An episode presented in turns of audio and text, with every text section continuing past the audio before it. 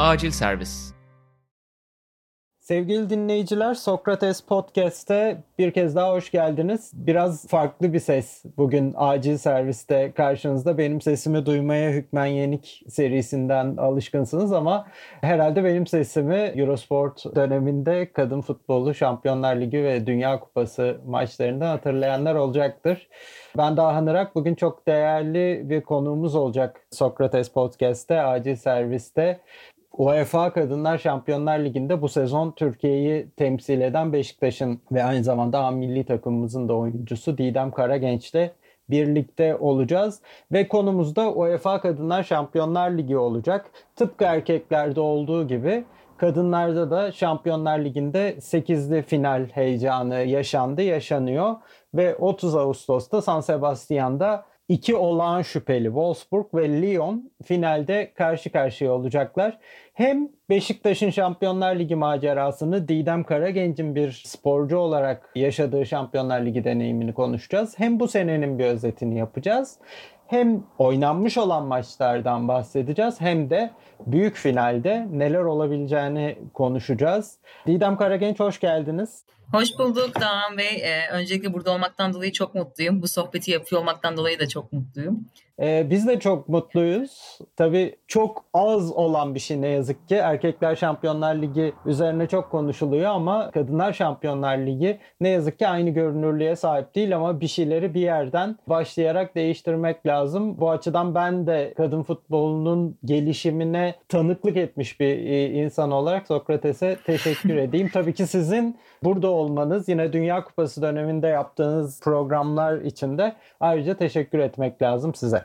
Evet Dahan Bey e, ben Sokrates'e çok teşekkür ederim. Dediğiniz gibi Dünya Kupası özelinde yaptığımız programlar Banu Yelkovan'la beraber çok özeldi bir ilke imza attı Sokrates. Bugün de yine bir ilke imza atıyoruz sizle beraber. İlk defa bir Kadınlar Şampiyonlar Ligi'ni sizlerle beraber bu programda konuşuyoruz. Öncelikle tekrardan söyleyeyim burada olmaktan dolayı çok mutluyum. Bu konuyu konuşmaktan dolayı da çok mutluyum. İnşallah seyircilerimize güzel bir program sunacağız. Evet, sezonun başına dönelim. Beşiktaş için ve sizin için bir taraftan aslında çok gurur duyulası, bir taraftan da çok talihsiz bir süreç oldu. Beşiktaş ülkemizi e, UEFA Kadınlar Şampiyonlar Ligi'nde temsil etti bu sene. Daha önce takip etmeyenler için ben e, aslında bu sene son kez oynanan formattan da bahsedeyim. Gelecek sene yeni bir formata kavuşacak UEFA Şampiyonlar Ligi. Ama şu anki format ve uzun süredir oynanan format şu şekilde lig puanı ve kulüp puanı yüksek olan takımlar yani belli başlı liglerin şampiyonları ve temsilcileri ana tablodan turnuvaya başlıyorlar. Ee, ana tablo elemeli tablo.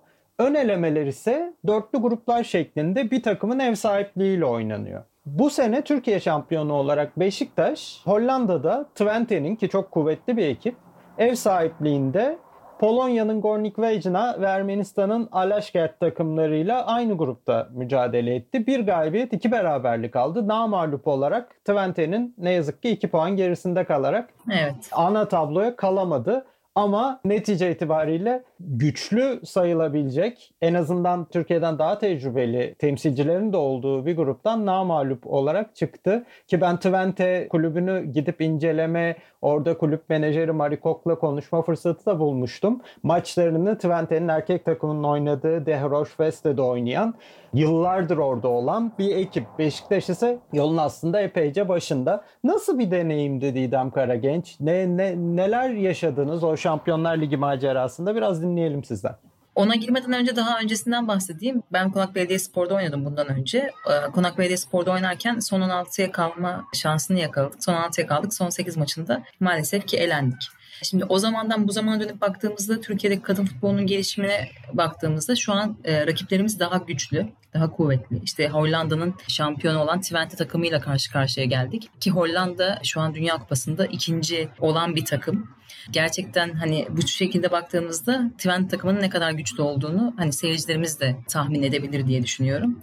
Gerçekten çok keyifliydi orada olmak, o ortamı solumak, Şampiyonlar Ligi'ne gidiyor olmak, ülkemizi orada temsil ediyor olmak, hem de Beşiktaş formasıyla temsil ediyor olmak daha ayrı bir gurur. Dediğim gibi Konak Belediye Spor'da da oynadım ancak Beşiktaş'ta oynadığımız Şampiyonlar Ligi'nde seyircimiz vardı. Tribünlerimiz doluydu. Yani gurbetçi taraftarlarımız bizi yalnız bırakmadı. Hani dönüp baktığınızda Twente'nin taraftarı yokken bizim taraftarlarımız meşale falan atıyorlardı sahaya. Isınmadayken daha sahaya giriş yaptılar. Yani gerçekten hem Beşiktaş'ta oynuyor olmak orada neredeyse ülkemizde gibi hissettirdiler bize diyebilirim. Çünkü otelimize falan da baskına geldiler. Ee, yani bu bizim için güzeldi. Kendimizi ülkemizde hissettik. Ama Twente ile oynamak, işte diğer grup maçlarını alıyor olabilmek, o seviyeye gelmek bence ülkemiz adına kadın futbolunun ne kadar geliştiğinin en büyük göstergelerinden bir tanesidir. Bu arada e, pardon lafınızı kestim ama o konağın ilk 16 macerasına döneceğiz daha sonra. Çünkü e, yeni sistem için ilk 16'da olmak çok önem arz ediyor biliyorsunuz. Devam edin lütfen. Yani ileride de yani bir sonraki sezonlarda bu sene pandemiden dolayı bir talihsizlik yaşadık. Biz gidemiyoruz maalesef Şampiyonlar Ligi'ne.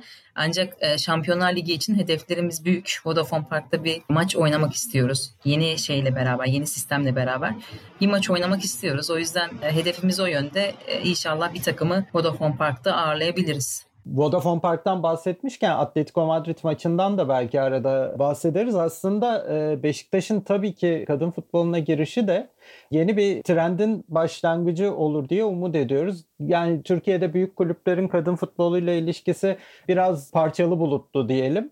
Trabzonspor daha evvel evet. Çin'deydi. Fenerbahçe ondan önceki süreçte eski ligde vardı. Ama henüz dünyadaki Avrupa'daki özellikle trendi büyük kulüpler henüz daha tam katılmamış vaziyetteler. Ama herhalde değişecek. Yani en çok ayak direyen ülkeler işte İtalya mesela İspanya, Milan girdi, Real Madrid girdi. Ondan önceki sene Manchester United girdi. Artık pek işin dışında kalan da kalmadı gibi. Evet yani büyük kulüpler dediğimiz kulüplerin neredeyse yarısından fazlası girdi. Şu an girmeyen çok az kulüp kaldı. Yani bu da ülkemizde de değişiyor. Dediğiniz gibi o Beşiktaş'ın Vodafone Park'ta yaptığımız maçtan sonra çok güzel geri dönüşler aldık. Çünkü kimse o kadar seyircinin kadın futbol takımının maçına gideceğini beklemiyordu açıkçası. Biz de beklemiyorduk o etkiden sonra bence bize bakış açıları da değişti. Hem kulüplerin hem sponsorların diye düşünüyorum. Burada da bir ilgi alanı olduğunu, gerçekten kadın futbolunun da geliştiğini gördüler ve Galatasaray bir girişimde bulundu. İşte altyapılarını kurmak için işte alt yaş gruplarındaki çocuklara bir futbol okulu açma projesi var. Fenerbahçe'nin aynı şekilde şu an faal olarak gerçekleşiyor. E, altyapıları var. E Beşiktaş'ın zaten vardı. Hani yavaş yavaş bu işin içinden, kıyısından, köşesinden bir yerden tutuyoruz. Bunun içindeyiz. Daha da gelişmesi için, o seviyelere ulaşmak için aslında tüm takımların kurması lazım ama tabii bu zorla olacak bir işte değil. Bunu insanların severek yapması lazım ki bir katkısı olsun. O yüzden biz onların görmelerini, anlamalarını bekliyoruz. Bu işe yatırım yapmalarını e, bekliyoruz. Hani dünyanın tüm ülkeleri buna yatırım yaparken Türkiye'deki kulüplerinde artık bunu sessiz kalmayacağını e, düşünüyorum. Bu arada hani aslında bir taraftan zaman zaman karamsar olmak için çok neden buluyoruz ama enteresan ve e, insanın umudunu arttıran gelişmeler de oluyor. Mesela son dönemde evet. Samsun'da öyle bir gelişme yaşandı. Samsun Yabancılar Pazarı Kulübü Samsun Spor desteği almaya başladı. Yani aslında e, Anadolu'da da bunun gerçekleşiyor olması çok önemli. Yani siz tabii işin çok daha içinde olarak e, biliyorsunuz ki şimdiye kadar belediyeler ve üniversiteler desteğiyle çok fazla gitti bu iş. Sanırım biz evet. de kulüplere doğru erkek şubesi de olan kulüplerin desteğine doğru herhalde o trendin içine yavaş yavaş giriyoruz gibi.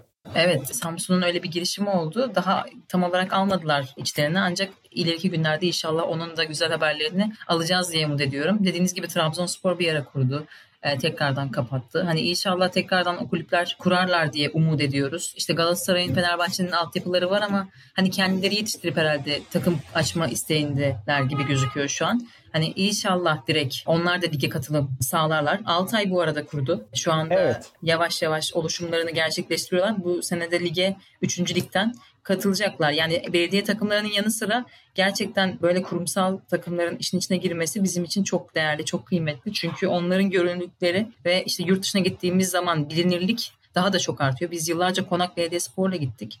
Ancak Beşiktaş'taki kadar bir etki maalesef yaratamadık. Çünkü bu büyük camiaların büyük de taraftar kitleleri oluyor ve onları arkanıza aldığınızda bambaşka kitlelere ulaşıyorsunuz. O yüzden gerçekten çok değerli, kıymetli. Buradan da işte mesaj olsun kulüplere lütfen kadın futbol kulübü açın. Bizim sizlere kadın futbolcular olarak da ihtiyacımız var. İnşallah hepsi teker teker açar. Biz de kendimizi daha çok geliştirebiliriz. Yani Avrupa'da bazı ülkelerde benzer hatta Latin Amerika'da özellikle Türkiye zaten e, Latin Amerika'ya birçok ölçüden benziyor.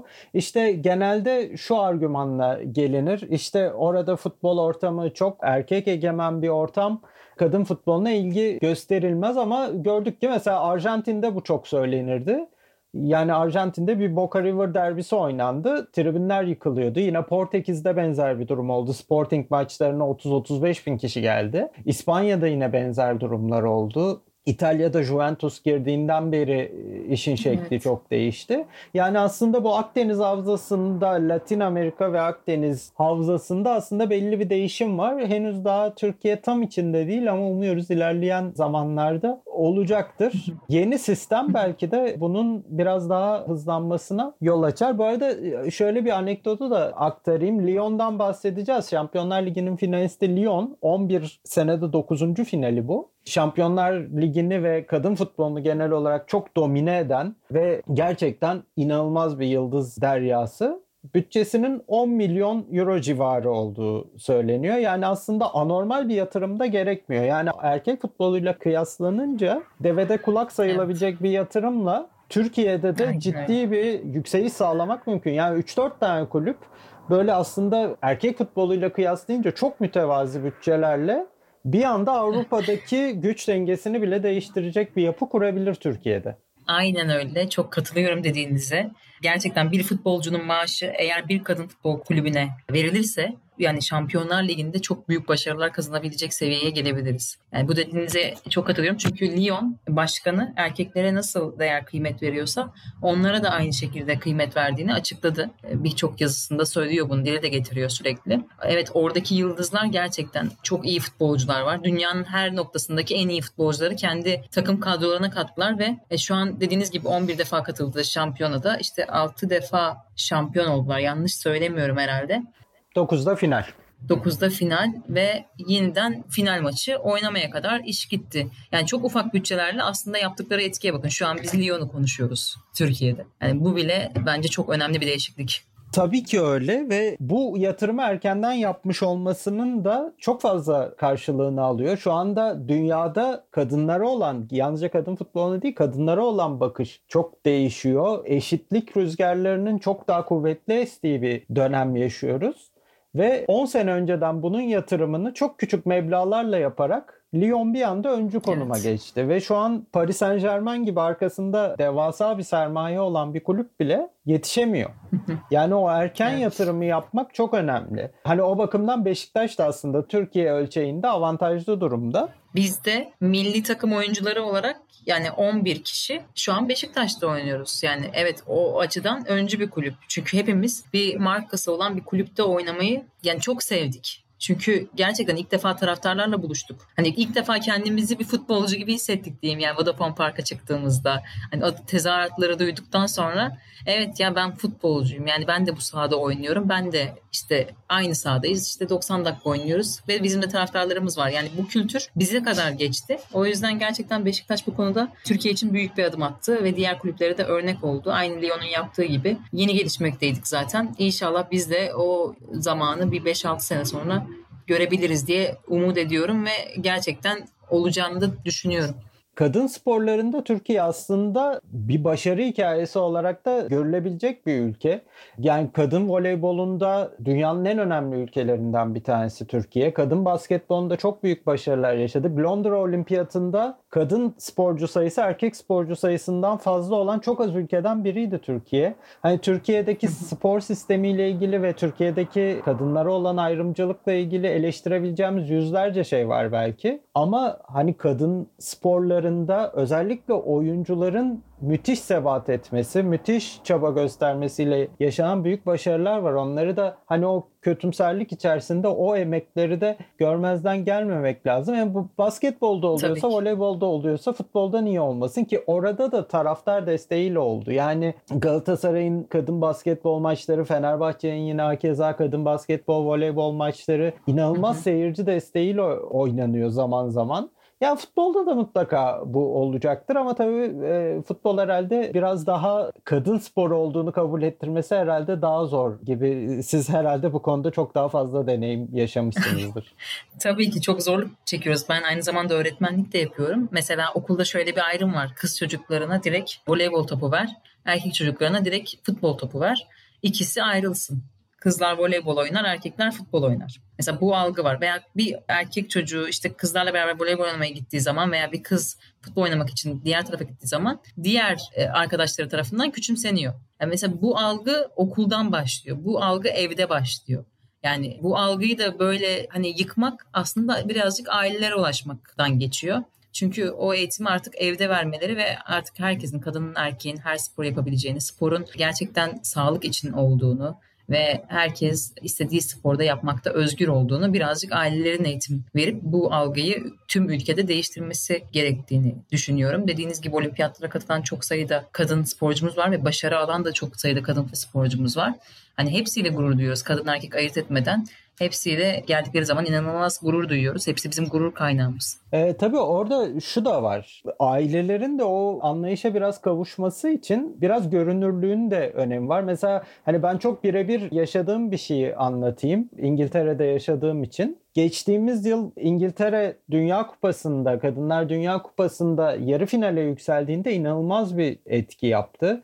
İlk defa zaten bütün maçlar televizyondan ve mesela publarda çok fazla maç yayınlandı ki publar çok erkek mekanı olarak bilinir. Biz Amerika İngiltere maçını Londra'da bir pubda izledik hem kadın seyirci sayısı çok fazlaydı hem o yani tam böyle publarda görebileceğiniz eli kocaman biralı iri yarı adamlar futbolcuların isimlerini de bilerek işte Yuri Lucy, işte Alan Moore bilmem ne. Yani o heyecanın nasıl büyüdüğünü hissettim. Ve bir sene sonra bu sene o maçı izlediğimiz pub'a çok yakın bir mahallede bir parkta yazları işte hava sıcak olduğunda orada başka da bir şey yapılamadığı için herkes parklara gidiyor. Her parka gidişimizde mutlaka ama mutlaka futbol oynayan en az bir tane kıza denk geldik. En az bir tane kız çocuğu ve çoğu da göçmen çocukları. Bu anlattığım hikaye Türk mahallesi olarak da bilinen Haringey'de yaşanıyor bu arada. İşte Pakistan göçmenlerinin çocukları, İran göçmenlerinin çocukları ya hani böyle çok muhafazakar ve katı olarak bilinen kültürler tırnak içerisinde görünürlük çok önemli. Onlar da o şeyin içerisinde, o heyecanın içerisinde kendilerine yer bulmuşlar. O görünürlük ne yazık ki işte hani kadınlar futbolda olmamalı duvarına çarpıyor bizim medyamızda. Hani ben de o medyadan gelme biri olarak çok utanç duyduğum şeylerle karşılaştım hayatta. İşte bir tanesini son zamanda hep beraber yaşadık zaten açık açık evet. artık. Maalesef. Ama işte herhalde onu artık o, o devirde geçiyor e, herhalde ama yani o görünürlük yani sizi daha çok görseler eminim ki daha fazla insan kızını futbola yazdırmak isteyecektir. E, ya dediğim gibi işte Vodafone Park'tan sonra ya da bir başarı elde etmemiz gerekiyor. Yani bizim milli takım olarak da yani yine böyle bir dünya kupasına katılıp işte o İngiltere'deki etkiyi, o ülkedeki o etkiyi bizim de kendi ülkemizde yaratmamız gerekiyor. Bunun için de çalışıyoruz. İşte Avrupa Şampiyonası elemelerindeyiz şu an. Daha sonra Dünya Kupası'na gideceğiz. Aslında asıl hedefimizi Dünya Kupası için koyduk. Dünya Kupası'nın elemelerine gidiyoruz. O eleme grubundan çıkıp artık biz de bir ses getirmek istiyoruz. O sesi getirdikten sonra bence birazcık da evet ya hani kızlar da güzel şeyler yapıyorlar. Evet hani ben de kızımın futbolcu olmasını istiyorum. Yani ne kadar güzel gözüküyorlar. O görünürlükle beraber, o başarıyla beraber biz de insanlara o mesajı vereceğimizi düşünüyoruz. Çünkü kadın voleybol da aynen bu şekilde oldu. Basketbol da bu şekilde oldu. Daha önceden onların da bir dinledikleri veya duymuyordu kimse onları. Ancak başarıyla birlikte bu bir tık daha ileriye taşındı. Hatta bir tıkı da geçti yani çok fazla. Biz de asıl hedeflerimizden bir tanesi hem bunu birazcık başarıya dökmek Çünkü destekler gelmeye başladı bize. Milli takım seviyesinde de çok büyük destekler gelmeye başladı. İşte yeni bir oluşum oldu. Ee, Sayın Tolunay Kafkas, işte Sayın Oğuz Çetin işte Hamit Altıntop bizlere çok büyük destekler veriyorlar ve işte kadın milli takımımızın antrenörünü Necla Güngör Kırağası yapıyor şu an. Ve tüm teknik ekibi kadından oluşuyor. Bu bir devrim niteliğinde çünkü hep erkek egemenliğindeydi yine kadın futbolu da. Ancak şu an bunu kırdılar ve kadın istihdamı getirdiler. O yüzden ülkemizde bir şeylerin değiştiğini, işte sponsorluk sözleşmeleri imzalandı. Son bir haftada iki tane sponsorluk sözleşmesi imzaladık ve e, milli takım hocamız o masaya ilk defa oturdu ve bir kadın olarak bizleri temsil etti. Bu gerçekten bize çok gurur verdi hem kadın milli takımlarına hem erkek milli takımlarına sponsor olduklarını söyledi o sponsorlar ve bizleri sonuna kadar desteklediklerini söylediler. Aynı şekilde Nihat Özdemir, federasyon başkanımız da her zaman bizim arkamızda olduğunu ve desteklediğini bize şu an söylüyor. Bu daha önce bizim çok fazla karşılaşmadığımız bir şeydi. Yine vardı destek ancak bu kadar büyük bir desteği hiçbir zaman görmedik. O yüzden biz de milli takımlar seviyesinde hedeflerimizi koyduk önümüze ve 18 Eylül'de bir maç oynayacağız Slovenya ile ilk hedefimiz o maçı kazanmak. Daha sonrasında Avrupa Şampiyonası'nı iyi bir şekilde bitirip Dünya Kupası finallerine hazırlanmak istiyoruz. O yüzden bizim için de kadın futbolu için de yeni bir çağ başlıyor diyebilirim sizlere. Yani bu arada Necla hocamın da yıllardır milli takım sistemleri içerisinde alt yaş grupları olsun, yardımcı antrenörlük olsun bulunan bir isim olduğunu, çok değerli bir hocamız olduğunu da altını çizelim. Yani yalnızca kadın bir hocanın olması zaten çok önemli ama bu kadar işin içinden mutfağından yetişerek gelen bir hocanın olması da önemli. Evet. Benim hep ısrarla iddia ettiğim bir şey var. Yine burada söyleyeceğim. Türkiye'de 10 sene boyunca çok istikrarlı bir şekilde bu iş ciddiye alınıp doğru düzgün yatırım yapılır, görünürlük arttırılır, bir eylem planı ortaya çıkarılırsa ben Türkiye'nin Avrupa Şampiyonası finallerinde her zaman izleyeceğimiz ülkelerden biri olduğunu iddia ediyorum. Çünkü voleybol ve basketbolda bu böyle oldu. Aynı yapı, aynı destek, aynı sistem kurulduğu takdirde futbolda da bunun olabileceğini düşünüyorum. Çünkü bizim insan kaynağımız buna çok müsait. Dileyelim öyle olsun. Kesinlikle sizinle aynı fikirdeyim. Biz yetenek olarak çok e, yetenekli bir ülkeyiz. Bu yeteneği de bize fırsat verildiği zaman ortaya çıkartıyoruz. İşte erkek milli takımımız inanılmaz maçlar oynadı. Biz de neden e, öyle maçlar oynamayalım? O yüzden sizin söylediklerinize çok katılıyorum ve düşüncelerinizden dolayı gerçekten çok teşekkür ederim. Biz bu işi sırtınızda taşıdığınız için çok teşekkür ederiz. Her şeyden önce. Ufak ufak Şampiyonlar Ligi'ne girelim isterseniz. Ben küçük bir tamam. özet geçeyim. Beşiktaş'ın ne yazık ki devam edemediği 32 turundan itibaren neler oldu?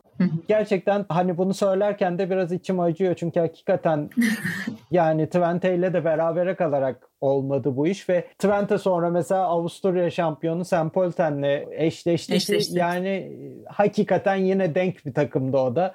Evet. Neyse yani biz de ona çok üzüldük. Benim içim acıyorsa sizinki daha çok acıyordur. Çok da yaranıza tuz basmayayım ama yani şunu gördük. Bu sene yani birkaç senedir olan bir şey aslında. Erkek futbolundan da tanıdığımız büyük kulüplerin çok daha fazla burada var olmaya başladığını ve ciddi hakimiyet kurduğunu gördük. Geçmişte bu böyle değildi. Yani benim kadın futbolu maçlarını anlatmaya başlamam 2008-2009 yılları.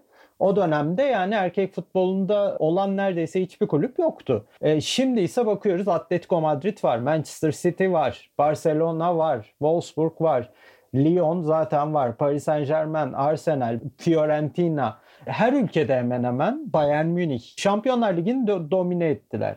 Ve bu sene Covid'den dolayı 8'li final şeklinde oynandı. Bence fena da olmadı aslında. Keşke UEFA bu maçların planlamasını biraz daha iyi yapsaydı. Mesela çeyrek final maçları aynı saatte oynandı. Yani zaten çok az kadın maçı yayınlanıyor. Yani iki tane büyük maçı aynı saatte oynatmanın pek bir mantığı yok. Erkeklerde çeyrek finali dört ayrı günde oynattılar. Kadınlarda aynı saatte oynatıldı. Hala UEFA içinde bile böyle eski kafalılıklar var. Kimler vardı 8'li finalde? 8 takımın 7'si erkek futbolunda da var olan büyük kulüplerden. Bu çok önemli. Yani bu geçmişte olan bir şey değildi. Bakıyoruz 8 diye ve öyle hani küçük kulüplerde değil. Lyon, Bayern Münih, Paris Saint Germain, Arsenal, Barcelona, Atletico Madrid, Wolfsburg ve tek o şeyin dışından olan Glasgow City. Ki Glasgow City'de İskoçya'da şu an biraz Celtic'in gerisinde kalmaya başladı. Muhtemelen bir sonraki sene Celtic onun yerini alacak ve tamamen o şey kapanacak. Yani artık o kadın erkek Celtic'e kulübü gidecek. ayrımı e, tamamen kapanacak. Neler oldu e, çeyrek finalde? Bir kere hani o 8 takımdan 7'si erkek takımı da olan kulüpler dedik bir tanesi değil ya. O bir evet, tane o kulüp. çok büyük fark yedi değil mi? Evet yani aslında çok da üzüntü verici oldu. Çünkü İskoçya da ciddi ilerleme kat ediyor son yıllarda. Dünya Kupası'na katıldılar geçtiğimiz yıl. Wolfsburg'dan 9 gol yediler. Wolfsburg yani tam bir makine zaten. Biraz da tecrübesiz bulunca affetmedi. Diğer maçlar çok daha çekişmeli geçti. Barcelona Atletico Madrid'i 1-0 yendi. Paris Saint Germain Arsenal'i 2-1 yendi. Lyon'da Bayern Münih'i 2-1 yendi. Lyon'un aslında zorlandığı bir 8'li final izledik. Diğer maçını da Paris Saint Germain karşısında 1-0 kazandı. Wolfsburg'da Barcelona maçını 1-0 kazandı. O yarı finallerden bahsedeceğiz. Ama yani tabii biraz şeyin de etkisi vardı tahmin ediyorum. Mesela Arsenal'lı oyuncular Şubat ayından beri ilk defa maça çıktılar. Yani bir hamlık vardı oyuncularda. Bu kadar uzun ara vermek bir oyuncuda nasıl etki yapar? Ben size birazcık anlatayım çünkü biz direkt milli takım kampıyla işe başladık kulüplerden önce diyebilirim. Kendimiz tabii ki bireysel olarak evde kaldığımız süreç boyunca çalıştık. Hani antrenmanlarımızı da yaptık Beşiktaş'la beraber ve milli takım antrenörlerimiz de bize bazı antrenman planlamaları gönderdi. Biz gereken çalışmayı yaptık. Daha sonrasında da hazırlık için süreçte devam ettirdik. Ancak o sahaya çıktığınızda 6 ay işte çime basmamışsın, işte kramponu giydin, işte ikili mücadeleye giriyorsun. Hani yine bir tedirginlik oluyor. Tabii hepimizin testleri negatif çıktıktan sonra sahaya çıktık. Ya topu çok özlemişiz. Topun peşinden inanılmaz koşmak istiyoruz ama bir yerde bizi nefesimiz, ciğerimiz tutuyor. Diyor ki gitme nereye gidiyorsun işte. Çünkü yani ne yaparsanız yapın sahaya çıkıp maç yapmadıktan sonra, futbol oynamadıktan sonra gerçekten diğer her şey boş yani yaptığınız. O sahaya çıkıp o havayı solumadıktan sonra işte ikili mücadeleye girmedikten, orta açmadıktan, şut çekmedikten sonra siz dışarıda istediğiniz çalışmayı yapın. Sahanın içinde bu çalışmanın çok fazla etkisi, maç yapmadığınız süre çok fazla etkisi olmadığını hepimiz birebir yaşayarak gördük ki yani Şampiyonlar Ligi maçlarında da erkeklerde de bunu hissettik. Şampiyonlar Ligi'nde kadınların maçlarında da bunu çok fazla hissettik. Tabii bu herhalde bir iki ay daha antrenman sürecinden sonra herhalde toparlar diye düşünüyorum tüm takımlar kendini. Yarı final maçlarından bahsetmeye başlarken hani bilmiyorum bana katılır mısınız? Yarı final maçlarında mesela özellikle taktik olarak da çok belli etti sanki kendisine bu hamlık. Yani E, çok böyle evet. takımlar dağınıktı. Evet evet dağınıklardı. Genellikle de şey yaptılar. Çok dar alanda karşılamaya çalıştılar. Ancak takım boyları çok uzadı. Uzadıkça da birbirlerine kontra atak yaptılar. Ancak bu atakların sonucunda oyuncuların nefes nefese kaldığını ben ekrandan çok net bir şekilde gördüm. Ve hani o anda zaten hani yanımdaki arkadaşlarımla konuştuğum şey Hani o evet onlar da toparlanamamışlar. Yani onlar daha önce de başladılar bizden sezona. Ancak 60. dakikada falan ben Lyon'da oynayan işte sağ bek oyuncusu Lucy Bronze onun yani nefesi zor aldığını e, çok net hissettim ekran başında. Tabii öyle bir durumda biraz herhalde kadro genişliğinin çok öne çıktığını söylemek lazım. Lyon'un belki en büyük avantajı da oydu. Yani bronz yorulduğunda yani yedekten mesela işte genç oyuncu kendi alt yaş gruplarından çıkardılar. Selma Başa var artık Fransa milli takımına da giriyor. E yani yedeklere baktığın zaman yani yarı finalde Lyon'un yedeklerinde Eugène Le Sommer var. Selma Başa var, Van de Sanden var. Bunlar yani Avrupa Kupası'nda, Çok Dünya önemli isimler. Kupası'nda ilk 11 ile final gören oyuncu, yarı final gören oyuncu bunlar. Bunları oyuna aldığınız zaman 60. dakikada karşıdaki takımı düşürebiliyorsunuz tabii. Ya, dediğiniz oyuncular gerçekten Dünya Kupası'nda çok önemli işler yaptılar kendi takımları için. İşte Team Visa'da 18 oyuncudan hani bir tanesi benim. Diğerleri de zaten o Lyon'daki o Lucy Bronze, işte Van de Sander, Les Sommer, Nikita Perez, işte Paris Saint Germain'de oynayan Şimdi adı aklıma gelmedi. Söyleyeceğim ama biraz sonra. Yani çok değerli oyuncular ve gerçekten oynadıkları takımda çok büyük etki yaratan oyuncular. Böyle oyuncular, oyuncuların yedekte olması bile bence o takıma güç veriyordur. Takımdaki kızlara da güç veriyordur. Takımın hocasına da çok büyük e, güç veriyordur. Yani o kadar takım genişliyor. Hatta şunu konuştuk yani nasıl Hani Van der Sender sonradan gi- giriyor oyuna. Nasıl bir hani kadro genişliği bu? Ve Sommer sonradan giriyor oyuna. Yani nasıl hani e, oyuncuları bulsak hiç sağdan çıkartmayız mesela Türkiye'de ama orada o oyuncular bile sonradan girip çok büyük katkı sağlıyorlar. O yüzden e, gerçekten Lyon çok farklı bir kulüp.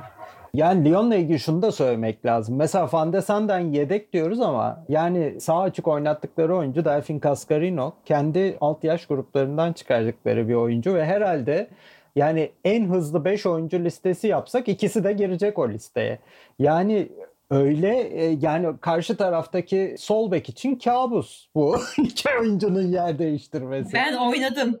Ben oynadım Van de Sander'le de karşılıklı oynadık Hollanda'da. İşte o oynuyordu. İlk 11 o başlamıştı. Ben biliyordum rakibimin kim, kim olduğunu. Yani Dünya Kupası'nda da yakından da gidip izledim. Yani stadyuma gidip izledim Lyon'da. Yani kız o kadar hızlı ki yani o görüntüsü aslında o kadar hızlı değilmiş gibi gösteriyor ama yani topu aldıktan sonra topla beraber de inanılmaz süratli bir kız. Yani ona nasıl önlem alırım noktasında dedim ki ya top ona gelmeden önce benim bu topu kesmem lazım mutlaka o topu alıp hızlanmayacak. E, arkama atılan toplarda da ona mesafemi iyi koruyup direkt kesmem lazım dedim. E, maçın bir noktasına kadar bunu çok iyi sürdürebildik. Zaten o maçta e, Hollanda'da oynadığımızda yani fena bir skor değildi. E, çünkü son dünya ikincisine karşı oynuyorsunuz. Hani biz 67. sıradayız. Hani karşı karşıya geliyorsunuz. Çok kuvvetli bir e, takım var karşınızda. Bunu da bilerek çıkıyorsunuz. Biz de o taktikte çıktık zaten sahaya. Ama gerçekten oyuncularla oynamak yani tecrübe ettiğim için söylüyorum.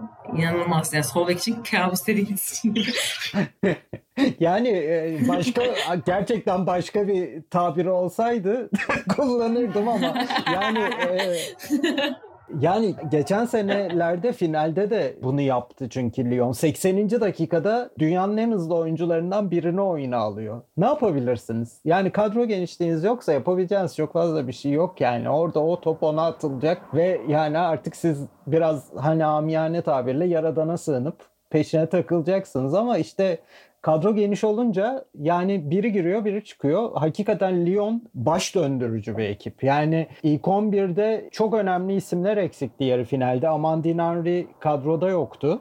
Yani Amandine Henry bugün hangi ülkeye gitse ligin en önemli oyuncularından olabilecek bir oyuncu. Kadroda yoktu. Çok iyi bir orta saha oyuncusu. Ama bakıyorsunuz orta sahaya işte Gunnar Stottir var, Kumagai var, Marosan var zaten inanılmaz bir oyuncu. Amel Majri inanılmaz geliştirdi kendisini. Yani öyle bir orta sahayla çıkıyor ki zaten yani insanın gözü korkuyor. Çok kuvvetli bir ekip. Yani Paris Saint Germain aslında biraz yarı finalde biraz şanslıydı çünkü tanıdığı ekipti ama şans da bir yere kadar herhalde. ya evet öyle ama onlar da çok şanslı gidiyor. Hollanda takımı da bu sene çok şanslı gitti.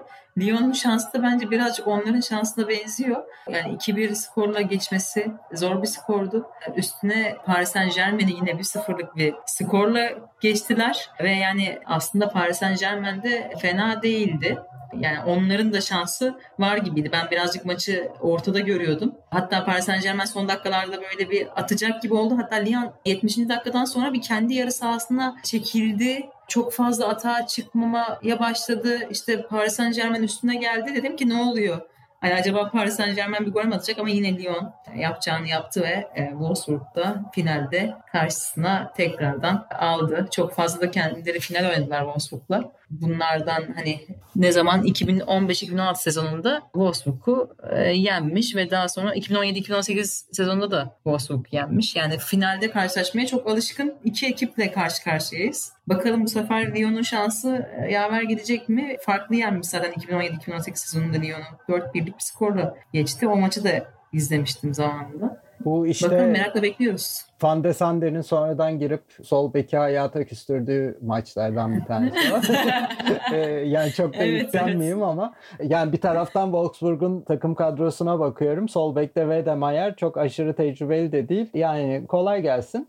Yani Wolfsburg'dan bahsedelim biraz. Wolfsburg Barcelona karşısında onlar da çok zor çıktılar. Aslında Barcelona enteresan bir takım. Çok yatırım yaptılar son dönemde. Kadroda da isimli bayağı oyuncu var. Ben e, bu yarı final ve öncesinde çeyrek finalde Fransa milli takımından Kira Amravi'yi çok beğendim. Oyun kurucu olarak oynattıkları inanılmaz bir gelişme sarf etmiş. Son dönemde sürekli kendini geliştiren bir oyuncu ve çok uzun boylu bir de. Yapı olarak da çok sahaya hükmeden bir oyuncu. Ama Barcelona o herhalde Wolfsburg maçında da net görüldü ki gol atamıyor. Yani iki maçta da çok zorlandı. Vuruşları, yani çok iyi gidiyorlar aslında kalenin oraya kadar. Yani tam bir Barcelona yani tam o sistemi oturtmuşlar ancak yani ben Barcelona'nın daha iyi son vuruşlar yapan bir takım olarak beklerdim.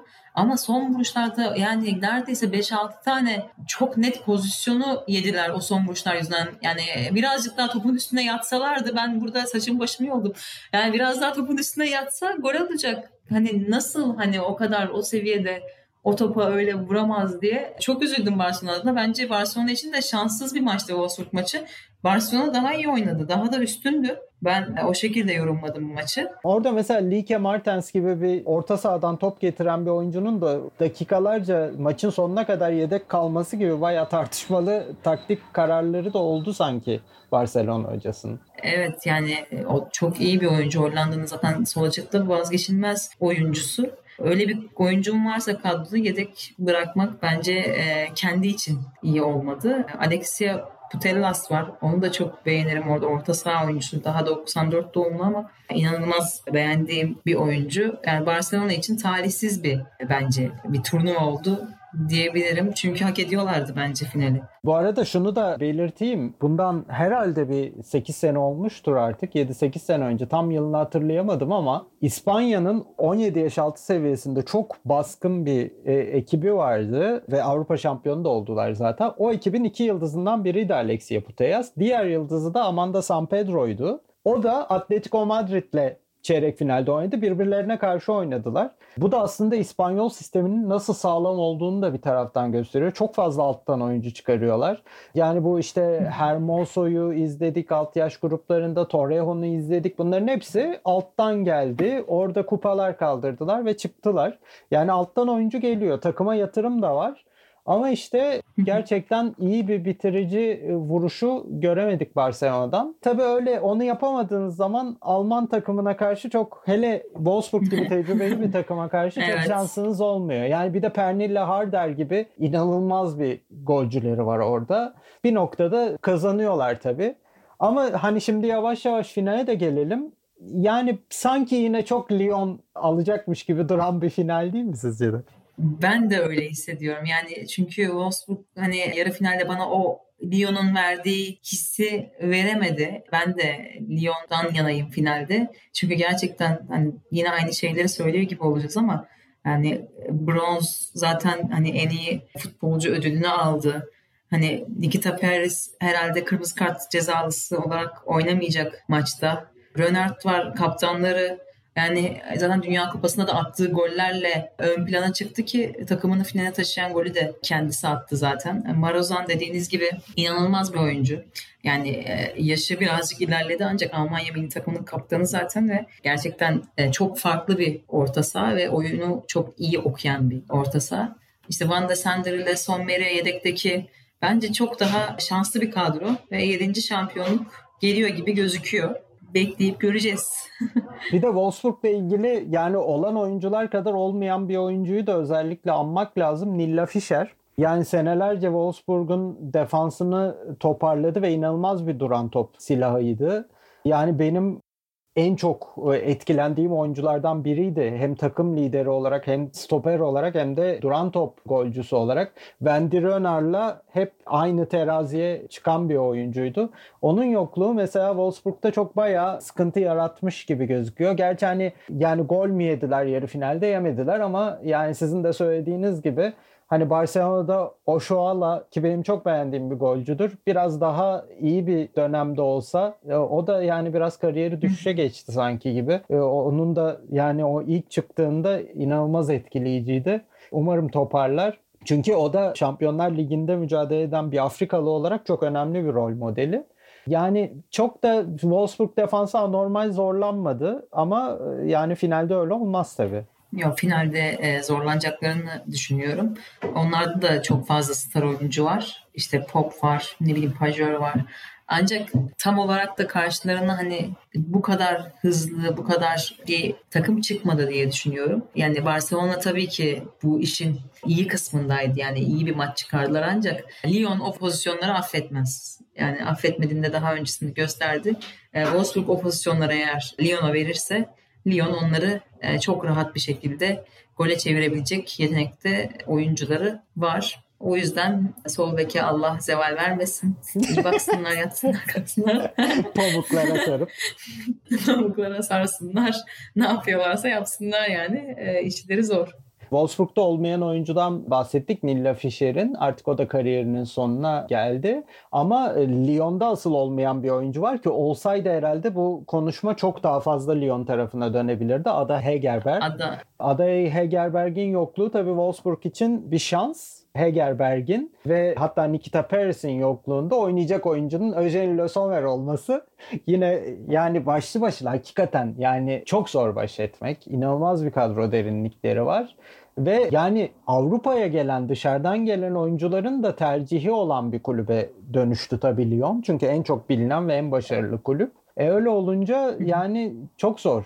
Amerika'dan gelen inanılmaz oyuncular da sık sık oraya uğruyor. İşte Megan Rapinoe'yu izledik mesela birkaç sene önce. Yani böyle hani futbolda her şey var tabii. Kesin Lyon alır denemez. Hele ki Wolfsburg gibi bir takımın karşısında ama yani Lyon bayağı ürkütücü duruyor bu finalden önce. Yani Lyon işte kadın futbolunun göz bebeği haline geldi. Yani bu kadar yıl Şampiyonlar Ligi'ni alıyor olması, tüm Dünya Kupası'nda oynayan gözde futbolcuların hepsinin o kulüpte toplanıyor olması, işte başkanın inanılmaz yatırım yapıyor olması, zaten Lyon şehrinde olması, yani her şeyi kendi avantajlarına çevirmişler ve her futbolcu Lyon'da oynamak ister. Her kadın futbolcu Lyon'da oynamak ister ve Lyon'da oynamak için de kendini geliştirmek ister. Hani bunlardan e, nasıl diyeyim hani biz de kadın futbol olarak işte Türkiye'de oynuyoruz ama tabii ki Avrupa hedefimiz var, yurt dışı hedefimiz var. Yani baktığınızda kim oynamak istemez? Hepimiz orası için yüksek daha yükseği için çalışıyoruz. E, o yüzden hani futbolcuları anlamak zor değil. E, hangi erkek futbolcu işte Real Madrid'de Barcelona'da oynamak istemez. Bu aynı seviyede zaten.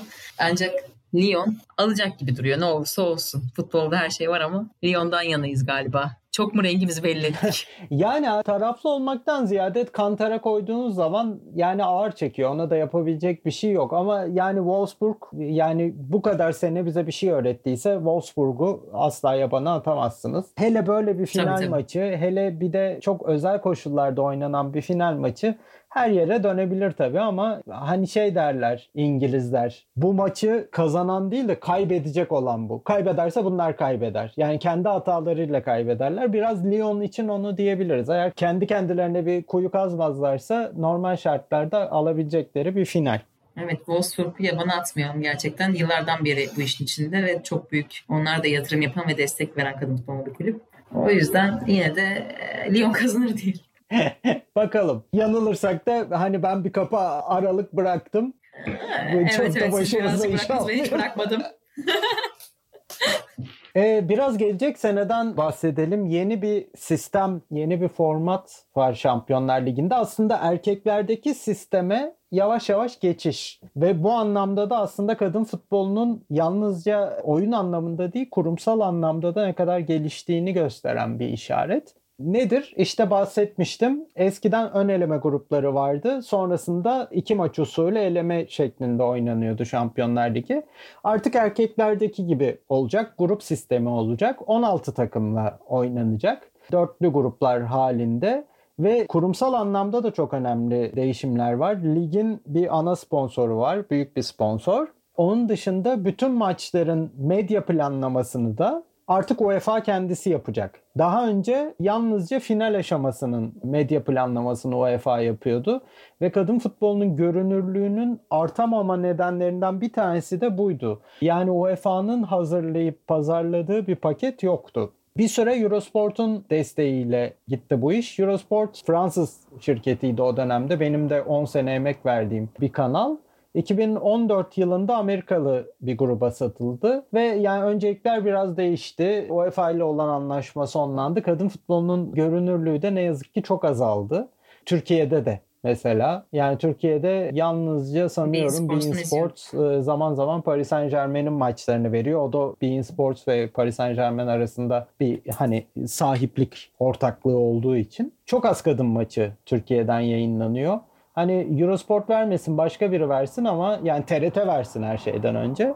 Yani ilerleyen dönemde umarım Kadınlar Şampiyonlar Ligi'nin yayınını o paketi birileri alır ve ciddi ciddi yayınlar. Epeyce de bir tematik spor kanalımız var Türkiye'de. Bakalım yani ekonomik anlamda kulüpleri bir hayli etki yapabilecek yeni bir sistem var karşımızda dediğiniz gibi yayın hakları çok önemli. Hem ligin sponsorluğu için ligin yayın hakları önemli hem Şampiyonlar Ligi'nin yayın hakları önemli. Yani şu an ben Şampiyonlar Ligi'ni izlemek istediğimde nereden izleyeceğimi sürekli araştırıp bulmaya çalışıyorum. Ben bile bulurken zorlanıyorum ki insanların, Türkiye'deki insanların bununla karşılaşması televizyonda çok zor.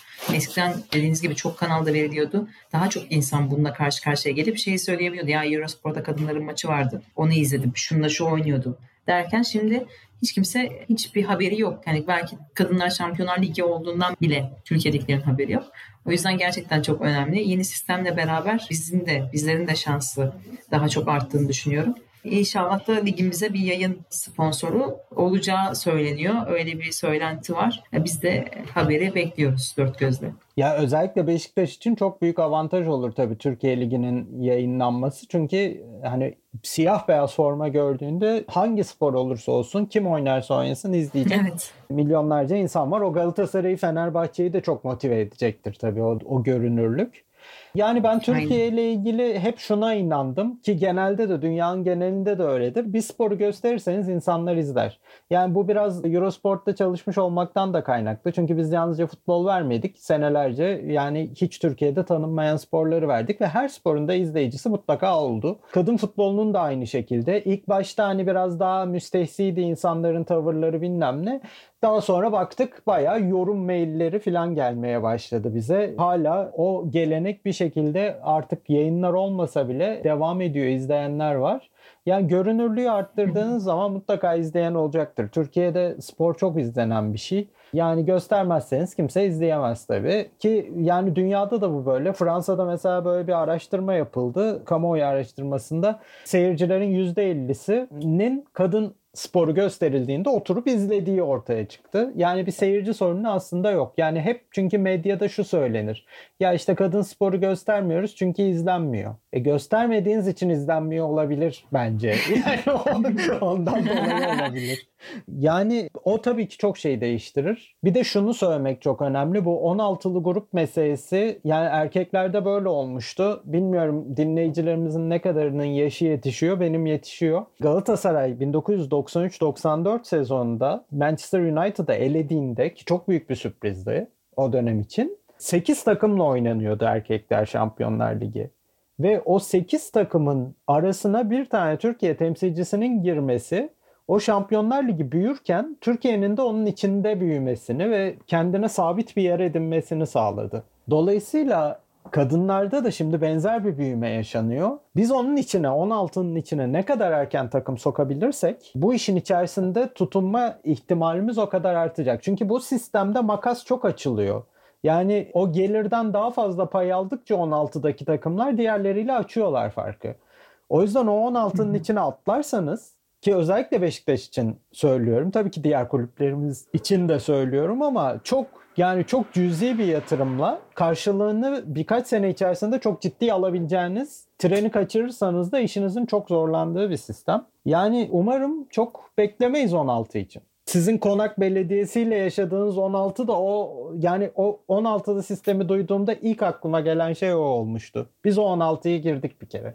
Evet biz 16'ya girmiştik. Ya bence büyük takımların şundan haberi yok. Yani hani şampiyon olduğunda 250 bin euro bir bütçe verildiğini yani şampiyona finaliste işte 200 bin euro ne bileyim hani yarı finalde kaybeden takıma farklı bir ücret. Hani bence bu ücretlerden Türkiye'deki takımların haberi yok. Çünkü yatırdıkları bütçelerin çok çok daha üstünde bir bütçe var bekliyor kendilerini Şampiyonlar Ligi'nde e, bu eleme müsabakalarında. Yani belki bunları bilseler araştırsalar bu işin içine hani görünürlükten yana para yönünde de girebilirler diye düşünüyorum. O makas açılıyor 16 ile beraber tekrardan o makasa erken bir şekilde kendimizi içeriye atmamız lazım. Gelişim ve değişim ve bilinirliğin artması için Beşiktaş gerçekten yatırım yapıyor ve yani bu seneki hedeflerimizden bir tanesi de Şampiyonlar Ligi'nde artık hani Türkiye için kadro oluşturmak değil Şampiyonlar Ligi için bir kadro oluşturmaya çalışıyor kulüpteki yöneticilerimiz. E, o yüzden e, ileride bizim açımızdan da güzel şeyler olacağını umut ediyorum. ALG Spor Kulübü de işte yine bu sezon Şampiyonlar Ligi'ne katılıyor. Onlara da Şampiyonlar Ligi'ndeki grup müsabakalarında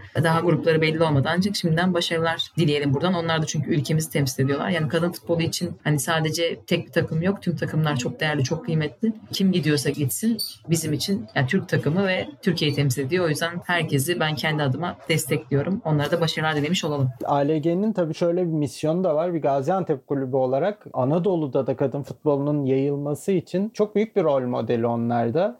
Başarılar dileyelim. Umarız bu sene Şampiyonlar Ligi'nde o atmamız gereken, ülke olarak atmamız gereken adımın atılmasında öncü rolü üstlenirler. Tabii yani Beşiktaş'tan biraz fazla bahsettik. Bunun temel nedeni büyük kulüplerin işte anlattığımız gibi bütün dünyada büyük kulüplerin işin içine girişiyle hızlanan bir trend olduğu için ve Türkiye'de de büyük kulüpler çok az örneği henüz işin içinde olduğu için tabii Beşiktaş biraz daha göz önünde. O, o bakımdan da yani şu an konuştuğumuz kulüplerle erkek futbolunda karşı karşıya gelen bir kulüp. E, kadın futbolunda da önünde sonunda bu trend hakim olduğu için Beşiktaş örneği o bakımdan biraz daha enteresan ama yoksa tabii ki Türkiye'nin de çok çekişmeli bir kadınlar ligi var ve o ligde de e, Beşiktaş dışında da zirveye oynayan çok kıymetli kulüpler var. Zaten yani şampiyonluk e, resmen kapanın elinde kalıyor. Bizim çok rekabetçi bir kadınlar ligimiz var aslında yani Türkiye ile ilgili söyleyebileceğimiz iyi şeylerden bir tanesi. Yani evet. öyle bir sürü ülkedeki gibi 25 puan önde kimse şampiyonluk kazanmıyor. Yani bayağı playoff maçına kalacak kadar sıkı bir rekabetin olduğu bir lig bizim ligimiz. Evet ya bu sene de 16 takıma çıkacağız zaten bizim ligimiz. 16 takımla beraber iyice rekabet artacak ve maç sayımız çoğalmış olacak. Bu sayede hem ligimizin süresi uzayacak hem de biz daha çok müsabaka yapmış olacağız ve milli takım maçlarında bu müsabakalar mutlaka milli takıma da yansıyacak. Bu şekilde bir planlama var. O yüzden bu sene daha iyi bir lige başlayacağız gibi gözüküyor. Bakalım önümüzdeki süreç bizlere neler getirecek? Acil serviste bugün Bakalım. UEFA Şampiyonlar Ligi'ni, UEFA Kadınlar Şampiyonlar Ligi'ni konuştuk. Sevgili e, Didem Karagenç de Şampiyonlar Ligi'nde Beşiktaş'ta ülkemizi temsil etti. Amil takımımızın oyuncusu aynı zamanda. Çok teşekkür ederim. Bizimle olduğunuz için bizim için ciddi bir gurur kaynağı. Dileyelim ilerleyen yıllarda Şampiyonlar Ligi'nde grup görmüş ve hala grupta oynayan bir Didem Karagenç'te de konuşalım. Başarılar diliyorum. Çok teşekkür ediyorum tekrar. Dahan Bey ben size çok teşekkür ederim. Yani kadın futbolunun içinde bu kadar hem Türkiye içerisindeki yapıya hem yurt dışındaki yapıya hakim olmanız gerçekten beni yine tekrar söylüyorum çok mutlu etti. Çünkü çoğu sonucu veya çoğu spiker bu kadar bilgiye hakim değil. Hani sizle konuşmaktan, sohbet etmekten çok büyük keyif aldığımı söyleyebilirim. Tekrardan Sokrates'e böyle bir programda yer verdikleri için teşekkür ederim. Diğer Şampiyonlar Ligi konusuna gelirse de mutlaka yer alacağım. Beşiktaş'ta olmaz başka bir takımda olur. Ama mutlaka yer alacağım çünkü hedeflerim arasında Şampiyonlar Ligi'nde mutlaka bir seviyeye gelmek var. Dilerim ki Beşiktaş'ta Vodafone Park'ta olur bu. Sizlerle de tekrardan o zaman görüşürüz diyelim. Lyon'a başarılar diyelim. o zaman ben de Wolfsburg'a başarılar dileyim. Ee, durumu da özellikle Wolfsburg'un sol beki Wedemeyer'e özellikle başarılar diliyoruz. Evet acil servisi böyle keyifle kapatalım. İlerleyen yıllarda tabii ki Sokrates'in Kadınlar Şampiyonlar Ligi yayınları devam edecek. Hani ben Sokrates'in doğrudan içinde olan değil ama o emeğe uzaktan katkı veren, dışarıdan katkı veren biri olarak hem Türkiye'de kadın futbolunun yükselişi hem de Sokrates Sokrates'in onun içinde bir paydaş olarak kendine yer buluşu çok mutlu ediyor beni gerçekten. Ben daha Hınırak. Bugün Didem Karagenç'le beraber acil serviste UEFA Kadınlar Şampiyonlar Ligi finalini yorumladık. Bizimle olduğunuz için teşekkür ederiz. Hoşçakalın.